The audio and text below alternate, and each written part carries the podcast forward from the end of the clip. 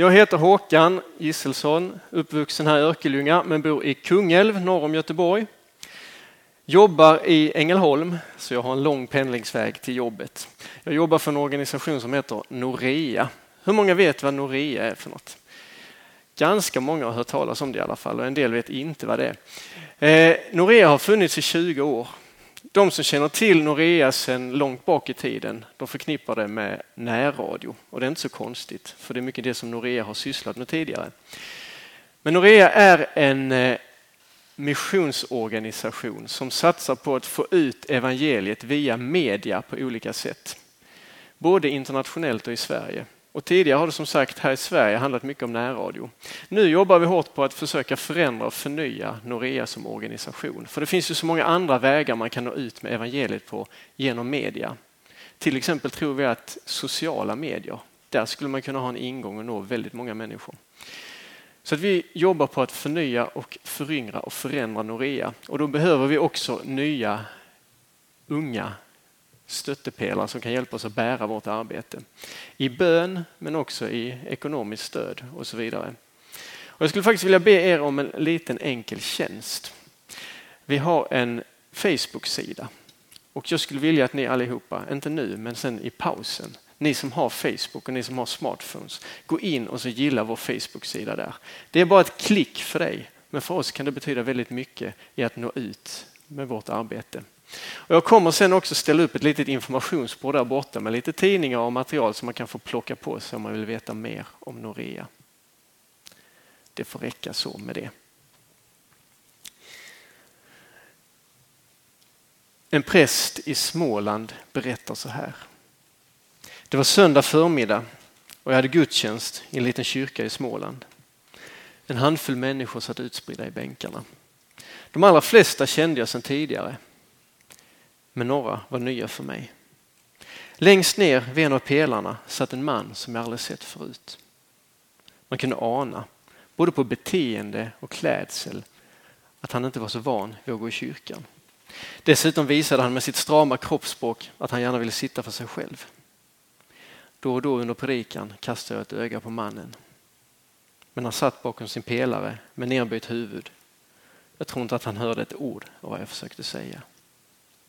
Också under salmen efter predikan så satt han med huvudet nerböjt. Jag började förbereda nattvarden. Hela tiden satt han orörlig utan att med en min avslöja om man hörde eller såg någonting av det som hände omkring honom. Och till sist bjöd jag fram till altaret. Då såg jag hur den gamle mannen reste sig. Jag tänkte att nu tar han tillfället i akt och lämnar kyrkan. Men han stapplade fram mot altarringen och med viss möda så föll han på knä han tog emot brödet och vinet och det märktes att det här har han inte varit med om särskilt många gånger förut. Ändå fanns det någonting där i hans ansikte som fick mig att ana att han menade verkligen vad han gjorde. Efter gudstjänsten satt mannen kvar i bänken. När de allra flesta hade gått ut gick han fram till mig. Här har jag inte varit sedan min konfirmation för 71 år sedan, sa han. Den gamle mannen lutade tankfullt kroppstyngden mot käppen. En stund stod han och såg rakt fram och hade blicken långt bort i fjärran. Sen började han långsamt berätta. Strax efter konfirmationen så, jag, så gav jag mig iväg till Göteborg. Där mönstrade jag på en båt. Sen seglade jag på de sju stora världshaven under många års tid. Hundratals hamnar har jag besökt. Otaliga hamnkrogar har jag druckit mig brusad på. Du kan inte ana hur mycket elände och dumt jag har ställt till med. Massor av gånger råkar jag i slagsmål. Ännu fler gånger lyckas jag lura någon flicka i säng. Ibland har jag undrat hur många barn som då och då funderar på vem som egentligen var deras pappa. När man blir gammal tänker man på sånt. Jag kan inte åka tillbaka. Jag kan inte gottgöra det jag, alla jag har svikit. Det är för sent att be om förlåtelse. Jag kan inte återställa allt det som jag har gjort fel. Hur jag än grunnade så fick jag ingen ro. Det kändes som att jag behövde göra något, utföra en handling för att sona min solkiga själ. Då kom jag att tänka på min gamla konfirmationskyrka. Kanske skulle jag försöka mig åka tillbaka hit. Jag hade inte tänkt gå fram, än mindre berätta varför jag var här ska jag vara ärlig så lyssnade jag aldrig så noga på det du sa och såg inte vad du gjorde där framme. Men en sak fastnade, en enda. Det var när du lyfte bägaren och brödet och sa tre ord. Till syndernas förlåtelse. Det tänkte jag, det är vad jag vill ha, det är vad jag behöver. Den gamle mannen snörvlade till. Han släppte käppen och torkade både ögon och näsa med sin vänsternäve. Och så frågade han, tror du det gäller mig också? Tror du det gäller mig? Efter allt jag har gjort, tror du verkligen det är så enkelt? Den gamle mannens ögon såg rakt in i mina med en intensitet och en kraft som jag sällan mött. Och det var som om tiden stod stilla. Jag tänkte på alla kvinnor vars liv han hade förstört genom att de hade gett sig allt för lätt åt en charmig sjöman från Sverige. Jag tänkte på alla de barn som hade gråtit sig till söms om kvällarna för att de inte visste vem som var deras pappa. Ett ögonblick tvekade jag. Det kändes som om de fanns där allihop, längs med väggarna i den kalla stenkyrkan. Nyfikna på att få höra mitt svar. Trots det kunde jag inte säga annorlunda. Långsamt nickade jag mot mannen och viskade. Ja, jag tror faktiskt det är så enkelt. För annars har jag fullständigt missförstått allt vad den kristna tron handlar om. Att komma tillbaka till Gud, det är inte svårare än så. Han nickar mot mig. Nu syntes hans tårar tydligt. Tack, viskade han. Då litar jag på det. Då litar jag på det. Och så tog han sin käpp och försvann. Jag fick aldrig veta varifrån han kom eller vart han gick. Det enda jag visste var att han hade vänt tillbaka hem. Efter alla dessa år hade den gamle mannen kommit hem till Gud igen. Nu här under förmiddagen så ska vi titta på en välbekant text och ni har läst den i era smågrupper nu på morgonen. Den handlar om just detta, att komma hem igen till Gud. Det är liknelsen om den förlorade sonen. Och det, är inte helt, det är inte helt enkelt att ha ett bibelstudium över en sån text om ni fungerar ungefär som jag. När man hör eller läser någonting som man har hört och läst så många gånger förut, då är det lätt att man stänger av och man tänker att den där, jag vet vad den handlar om. Jag vet ungefär vad han kommer att säga. Så därför ska vi börja med att be än en gång. Be att Gud öppnar våra ögon, våra öron och våra hjärtan så att vi kan höra och ta till oss det han vill säga till oss just nu med den här texten.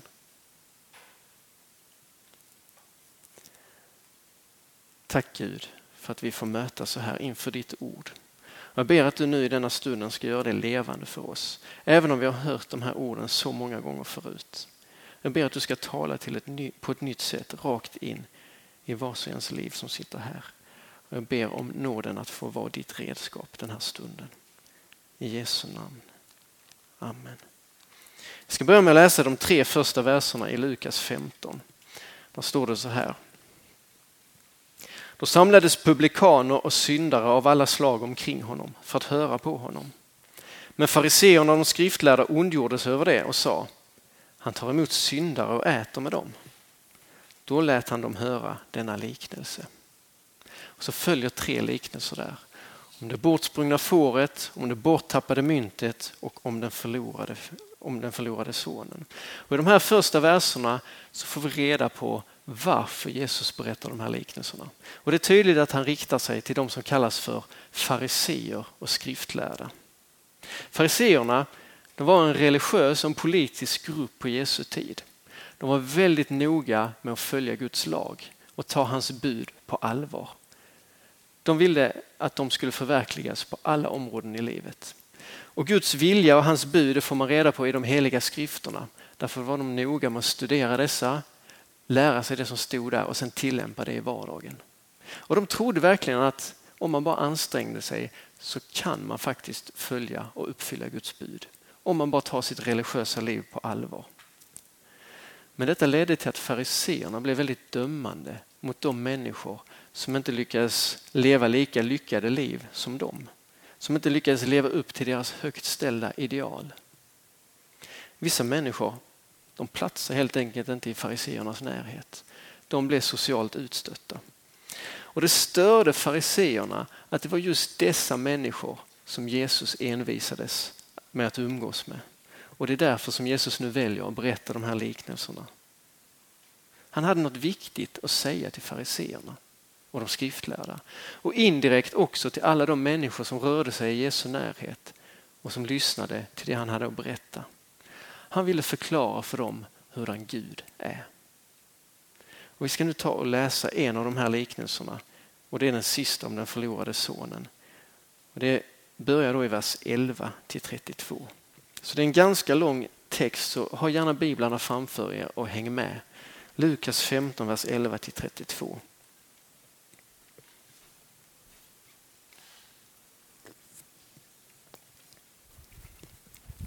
Sen sa han, en man hade två söner.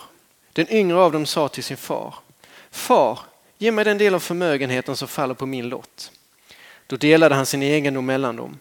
Det dröjde inte länge så packade den yngre ihop allt sitt och reste bort till fjärran land.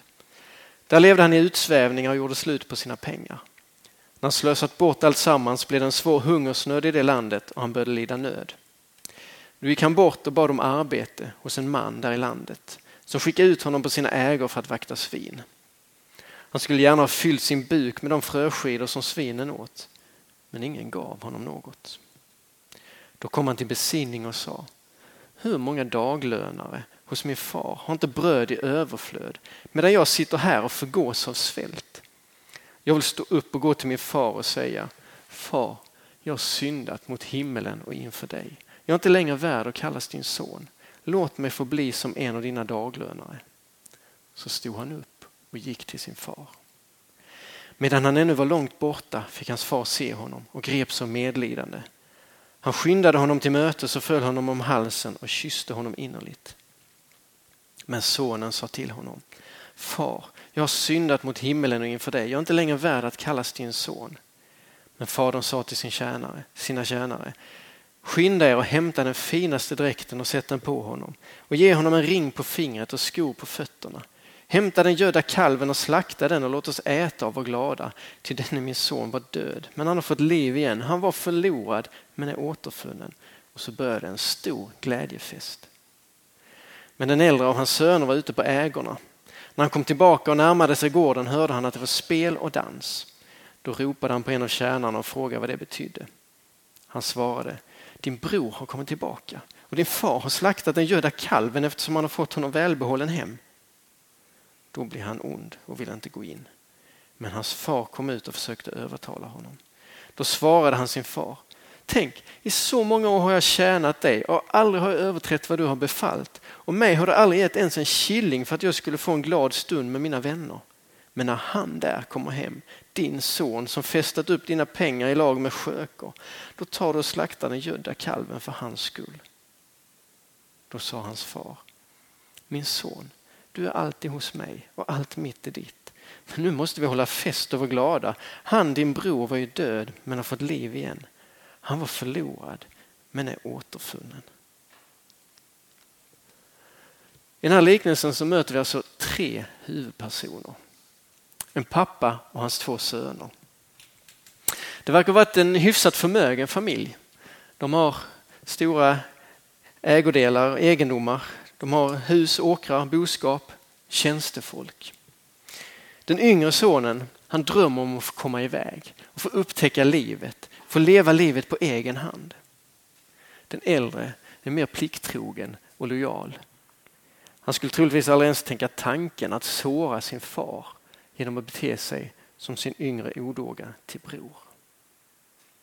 Det finns faktiskt forskning som visar att den plats man har i en syskonskara påverkar hur man blir när man växer upp, hur man formas som människa.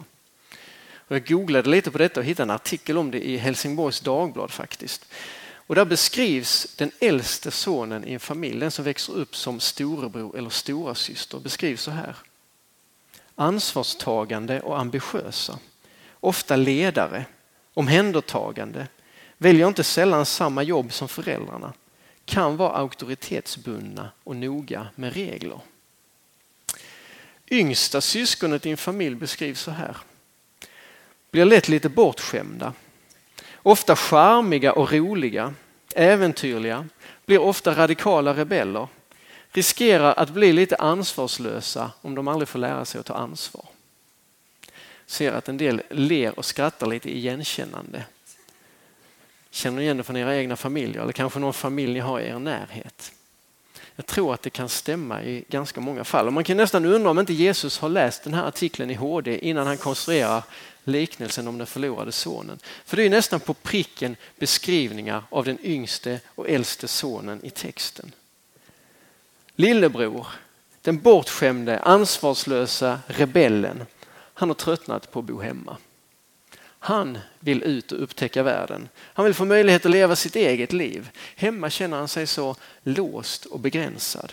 Det är så mycket krav, så mycket förväntningar, så mycket ansvar. Det är inte hans grej. Han känner sig instängd.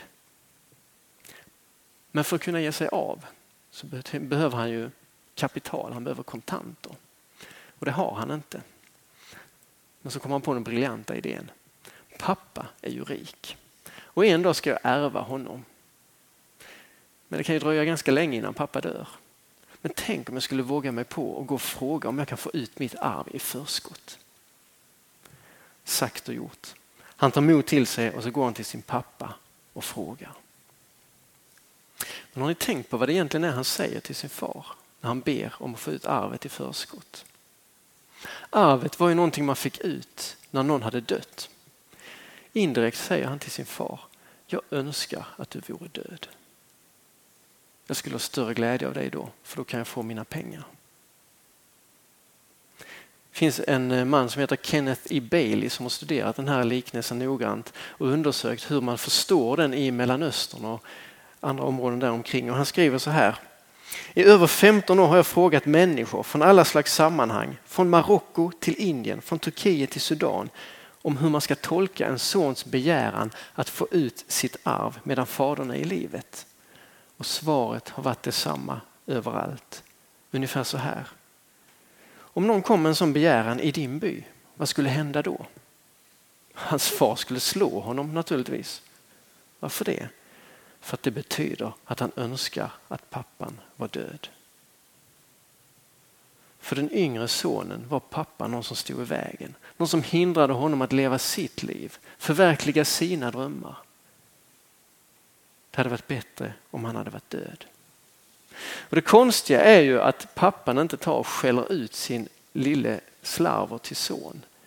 Kör bort honom, avvisar honom och gör honom arvslös. Istället tar pappan och delar upp sin egendom i två delar ger en del åt sin äldste son och en del åt sin yngste. Enligt femte Mosebok 21 och 17 så ska den äldste sonen ha dubbelt av arvet. Så med andra ord så bör den yngste sonen ha fått ungefär en tredjedel av alla ägodelar. Han sålde av det han fick, stoppade pengarna på fickan och så gav han sig iväg för att förverkliga sina drömmar. Fullständigt han brydde sig inte det minsta om vilka konsekvenser det skulle få för dem där hemma när han nu tog en tredjedel av alla ägodelar som de hade och gav sig av. Äntligen fick den lille egoisten leva ut sina drömmar och njuta av livet. Och Det verkar som att det gick ganska bra. I alla fall till en början. Så länge han hade pengar att bidra med, då var han intressant att umgås med. Då hade han vänner omkring sig. Så länge han hade något att erbjuda så fick han en bekräftelse som han så hett längtade efter. Men när pengarna tog slut då upptäckte han också att de som han trodde var hans vänner, de var inga vänner. Han började svälta. Och det gick så långt så att han kände att jag, jag måste ha något jobb, jag måste ha mat, jag måste, annars dör jag. Och han lyckas få ett jobb som svinaherde. Och nu har han sjunkit riktigt djupt. För grisen är ett orent djur i judendomen. Så genom att Jesus berättar att han blir svinaherde så vill Jesus säga att djupare än så kan man knappast sjunka. Och han var så utsvulten så han längtade efter att få äta sig mätt av grisarnas mat.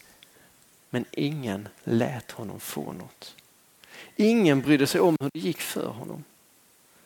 Han hade sjunkit så djupt så att han befann sig nu till och med på en lägre nivå än en gris. För grisen hade i alla fall mat att äta sig mätt på. Den yngre sonen, han hade gett sig av för att upptäcka vad det innebar att leva livet. Han har gett sig av bort från en far som stod där i vägen och begränsade och hindrade honom. Bort från ett hem som kändes så trångt, så kvävande. Han trodde att han skulle bli fri. Att han skulle få njuta av livet. Men istället så sjönk han så djupt att han till slut var värd mindre än en gris. Man skulle kunna beskriva den yngre sonens resa så här. Han gjorde det han ville till dess att han inte längre ville det han gjorde. Han gjorde det han ville till dess att han inte längre ville det han gjorde. Och Jag tror att det ofta är så med livet utan Gud. Det lovar guld och gröna skogar, frihet. Men det slutar ofta med bundenhet och slaveri. Man gör det man vill till dess att man inte längre vill det man gör. Jag tror att det är ganska många människor som kan känna igen sig i den förlorade sonens livsberättelse. Till exempel mannen som jag berättade om i början av bibelstudiet. En annan person är en kvinna som heter Bittan Ekman och bor i Göteborg. När jag jobbade som församlingspedagog i Kungälv så hade vi henne ibland på besök i våra konfirmandgrupper. hon berättar i sin bok Off Pist om sitt liv. Bittan växte upp i en kristen familj men som tonåring så la hon tron åt sidan. För som ung vill hon ut och upptäcka världen. Hon gick eh, någon typ av idrottsutbildning och när hon var klar med den så gav hon sig iväg. Hon jobbade som reseledare på Mallorca. Hon jobbade som skidlärare i Alperna. Hon hängde med jetset-folket i Aspen, i surfingparadisen i Florida och Kalifornien. Och den ena festen efter den andra avlöste varandra, precis som hennes olika killar. Och det var full fart hela tiden. Det fanns ingen tid för eftertanke. Livet lekte, åtminstone ett tag. Men under ett halvår så inträffar tre omskakande händelser som får henne att omvärdera sitt liv och sina livsval. I den krets som hon umgicks så sysslar man en hel del med knark. Och att transportera droger var ett enkelt och snabbt sätt att tjäna stora pengar. Så kunde man fortsätta leva festlivet. Så hon gick med på att köra en bil från, nu ska vi se vart hon körde, hon körde från New York till Chicago och det gick bra ända tills hon kom fram till hotellet där hon skulle lämna sin leverans. Där blev hon av en tillfällighet stoppad av en trafikpolis och till sin stora förvåning så hittade han 100 kilo marijuana i den blonda svenskans bil. Hon hamnade bakom lås och bom och riskerade livstidsfängelse. Och där i sin desperation faller hon på knä och börjar be. Och på ett närmast mirakulöst sätt så blir hon frikänd i den kommande rättegången i brist på bevis. Och Det är nästan så att hon reser sig upp och börjar protestera. Ni har en hel bil full med knark, vadå brist på bevis? Men i tacksamhet så tar hon emot friheten. Hon trodde knappt det var sant. Och nu börjar hon söka Gud på allvar. Men inte i kristendomen, den hamnade längst ner på listan. Istället var det astrologi och österländska religioner som gällde. Men så inträffar två händelser till där hon vänder sig till Gud i bön. Vid två olika tillfällen så upptäcker man tumörer i hennes kropp. Men vid båda dessa tillfällena efter bön så på ett för läkarna oförklarligt sätt försvinner tumörerna. Och nu börjar hon fundera på om ändå inte den där guden som hon trodde på i sin barndom kanske är det svar som hon letar efter. Så hon ber till Gud och så säger hon så här. Jag bad en enkel bön att Jesus skulle komma in i mitt hjärta. Om det nu var han som var vägen, sanningen och livet. Då var det precis som om ett strålkastarljus lyste in i mitt inre. De där bojorna bara brast. Det var en ren fysisk upplevelse. Någonting mörkt lämnade mig. Det var som om någon hade tagit av mig en ryggsäck med hundra kilo dåligt samvete. Och jag kände mig så lättad, som om jag gick på moln. För första gången sedan jag var barn kände jag att jag var verkligen förlåten och ren.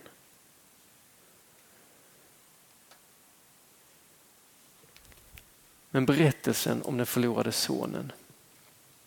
Det är inte bara berättelsen om enskilda människors livsöden.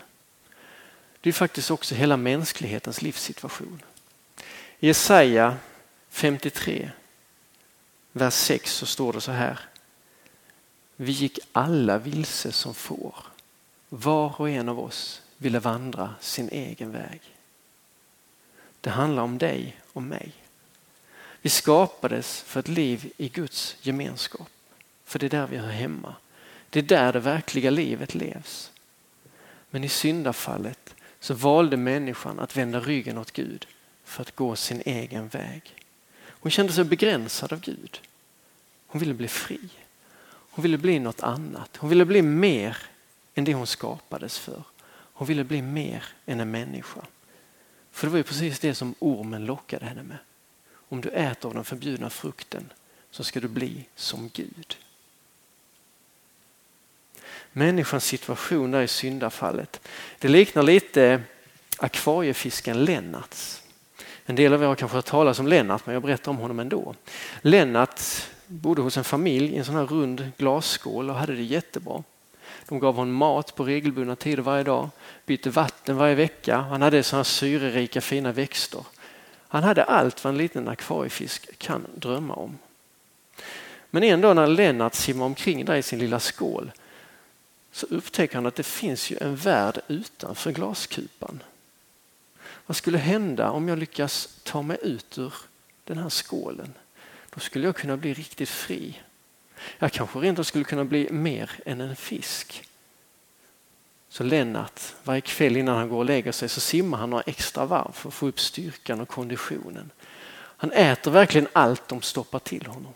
Och så en dag så tar han det vågade språnget. Han hoppar ut ur sitt akvarium. Och så blir han så där fri som han alltid har drömt om.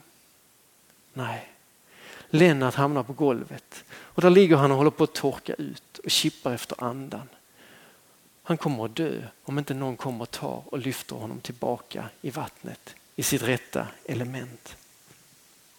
När människan valde att lämna Gud då blev hon inte större och friare. Hon blev inte mer än en människa. Hon blev mindre, hon blev omänsklig. En fisk blir inte gladare och lyckligare för att du tar upp den ur vattnet, bjuder med den på bio, bjuder på popcorn och Coca-Cola. För det är inte en fisks liv.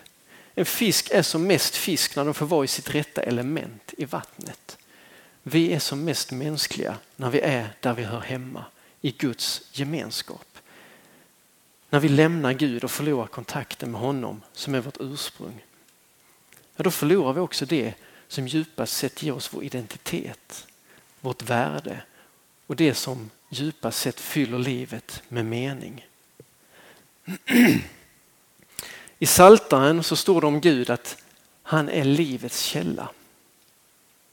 När man bryter förbindelsen med livets källa då får man inte det där tillflödet av nytt liv. Och så var det lite för den förlorade sonen i texten. Han gav sig av med en stor förmögenhet i fickorna och så levde han upp den här förmögenheten utan en tanke på att han måste ju också se till så att han får in nya resurser. För den som bara har utgifter men aldrig några intäkter, han går till slut i konkurs. Och det var det som hände också med den här killen. När människan förlorar kontakten med Gud, med sitt ursprung, då är det ungefär som när vi inför julen går ut och hugger ner en gran. Vi tar med den in vi klär upp den med glitter och ljus och julgranskulor. Och för en stund får den här granen vara i centrum. Den glittrar, den lyser och allt är så fantastiskt. Men det håller inte så länge. Ni vet hur det är en vecka efter julafton. Det börjar darra, barra, eller darra kanske också. Och granen har gjort sitt. Den är ful och den slängs ut på soptippen. Att leva utan kontakt med honom som ständigt fyller oss med nytt liv det är som att leva sitt liv som en julgran. Det håller ett tag, men till slut är det kört. Då vissnar vi och dör. Och Det är precis det som håller på att hända med den yngre sonen i den här texten. För nu sitter han bokstavligt talat där i skiten och vet inte var han ska ta vägen. Men där, på tillvarons botten, när han inte kan sjunka djupare, då står det att då kom han till besinning. Och ordagrant så står det, då kom han till sig själv. Han kom till sig själv. Plötsligt insåg han vem han var och var han befann sig. Han hade inte bara kommit bort ifrån sitt hem och från sin pappa. Han hade kommit bort ifrån sig själv, från den han djupast sett var. En författare som heter Henry Nowen, han skriver så här. När han märker att han längtar efter att bli behandlad som en av grisarna inser han att han inte är en gris utan en människa, sin fars son. Och först då, när han landar i sanningen, då har han fast mark under fötterna och kan börja vandringen hemåt.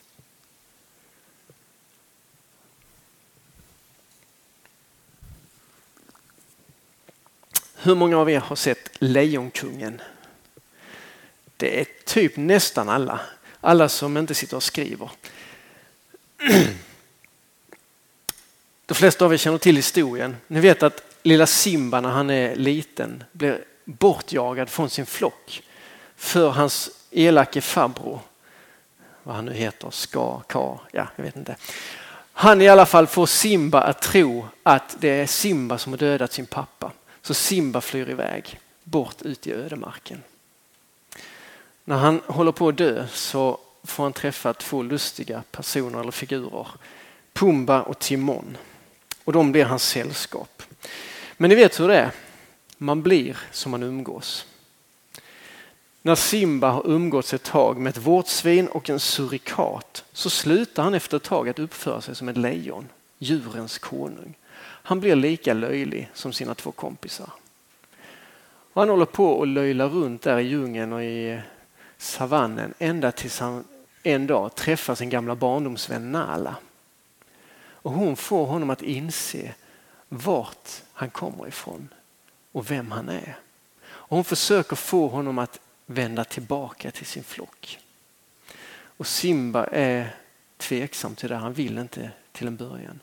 Men när han funderar på om han ändå ska vända tillbaka till sin flock så får han som i en dröm höra sin pappas röst. Och rösten säger Simba, du är mer än vad du har blivit. Du är mer än vad du har blivit. Och det citatet, det skulle faktiskt platsa i den här liknelsen om den förlorade sonen. Du är mer än vad du har blivit. Du är mer än en gris. Och det är ett citat som Gud skulle kunna säga till dig och mig också. I Psaltaren 8 så finns det en fantastisk beskrivning av människan. Det står så här. Du gjorde honom nästan till ett gudaväsen. Med ära och härlighet krönte du honom. Du satte honom till herre över dina händers verk. Vi är barn till en kung, universums herre. Vi är prinsar och prinsessor allihopa. Men på grund av synden så har vi förlorat den härlighet som vi en gång ägde. Och det finns bara ett sätt att återfå den. Att återvända hem. Hem igen till pappa kungen.